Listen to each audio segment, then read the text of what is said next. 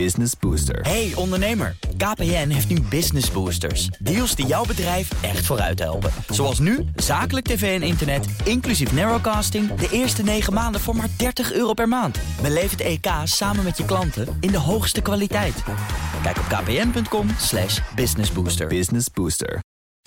Iedere twee weken eh, bespreek ik met Paul Iske eh, briljante mislukkingen. Want hij is namelijk de Chief Failure Officer van het Instituut voor Briljante Mislukkingen. Welkom, Paul. Ja, dankjewel, Thomas. Uh, ja, ik zit momenteel zelf in een, uh, in een Zoom-meeting, dus die ga ik even onderbreken om uh, aan dit programma mee te nee, kunnen dat doen. meen je niet. Dat is te toevallig, want we gaan het er wel over hebben, hè? we gaan het er wel over hebben, hè? Ja. ja is het, zit je trouwens veel in Zoom-meetings?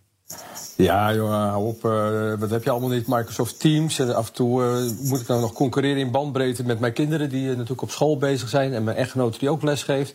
Google Hangout, WebEx, Jitsi, Skype en jawel, Zoom. Ja, precies. Nou, En, je eh, noemt Zoom wel als laatste er wel wat over gaan hebben. Want er zijn zoveel alternatieven en er is al best wel veel gezegd over Zoom... en de privacy en de fouten die erin zitten. Daarom komt Ja. er misschien ook in aanmerking voor een briljante mislukking. Ja, ja, ja. Nou, ik ken Zoom zelf al heel erg lang. Ik denk dat ik een van de allereerste gebruikers in Nederland was. En eh, met hele grote tevredenheid overigens. Ik ga je geen reclame maken. Maar ja, er is wel een reden voor. De, de, de compressie-algoritmes zijn heel goed, waardoor de beeldkwaliteit goed is.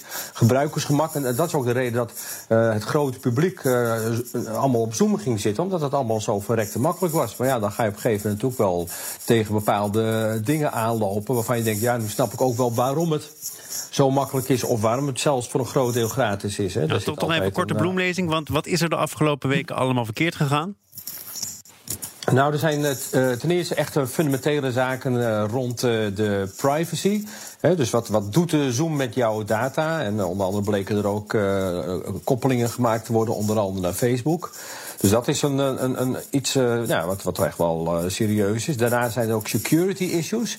Waardoor eh, nou, eh, hackers eh, het systeem zouden kunnen hacken, gewoon kunnen hacken en daarmee ja, data en informatie, gesprekken zouden kunnen hacken. En, en dat is iets wat echt ja, fout is aan Zoom en wat ook door Zoom erkend is.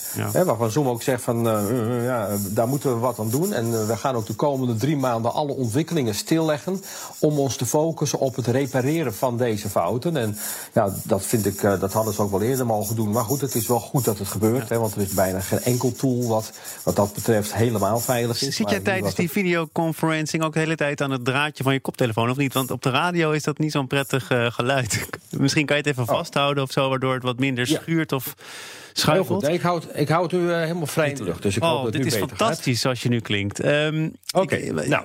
Zoom is bezig met het, eh, het blussen van allerlei brandjes. Dat gaat natuurlijk ten koste van het echt beter maken, verder ontwikkelen, ontwikkelen van je product. Ja, maar de vraag is eh, of dat ook echt nodig is. Want eh, de functionaliteit, en dat geldt niet alleen voor Zoom, hè, dat geldt soms ook bij bijvoorbeeld besturingssystemen. Hè, in, plaats van dat ze het nog stabieler maken, krijg je allemaal nieuwe gadgets. En dat geldt ook voor Microsoft Word en dat geldt voor alles en nog wat. Waarbij er ook een hele hoop mensen zeggen: die, eh, ja, jongens, we zijn tevreden met zoals het nu is. Zorg er nou maar voor dat, dat het niet crasht of dat het stabiel is. Hè, of dat het veilig is in dit geval. Nou, en, en, dus ik denk dat het heel goed is dat Zoom eh, nu eh, zegt: nou, oké, drie maanden pas op de plaats en we gaan eh, de problemen oplossen. Dus wat dat betreft ja, ja, is het natuurlijk wel zo dat ze schade oplopen. Hè, want er zijn een hele hoop partijen die nu zeggen: ja, wij gebruiken het niet meer, met name overheidsinstellingen. En dan denk ik, ja, dat, dat snap ik trouwens wel. Maar hè, wat dat betreft is het dus echt wel een probleem voor Zoom. Trouwens, dat zie je niet terug in de beurskoers, die alleen maar door blijft stijgen. Aan de andere kant denk ik, ja, je moet ook natuurlijk wel accepteren dat de wereld ook niet 100% veilig is. En als mijn vrouw aan de, aan, eh, ja, aan de geeft, en stel je voor dat dat gehackt wordt en die beelden worden gestolen, dan denk ik, nou, ben benieuwd wat ze daarmee willen. Dus dat is een ander punt. Maar wat ik ook een heel interessante eh, ontwikkeling vond, dat hadden we vorige week. Toen was er een, eh, een, eh, een raadsvergadering eh, in, in, in de Betuwe. En, en eh, die werd eh, nogal ruw verstoord door een van de gek die allemaal eh, rare fascistische en, eh, en vieze dingen ging roepen. En, en, en ja, die, eh, die gemeenteraad die eh, schoot helemaal in de stress. Eh, er kwamen allerlei procedure eh, voorstellen. Laten we stoppen. Dat zijn ze ook gaan doen. En toen werd ook gezegd, ja, zie je wel, dat Zoom dat deugt niet. Maar ja, in alle eerlijkheid, Thomas, moet je horen.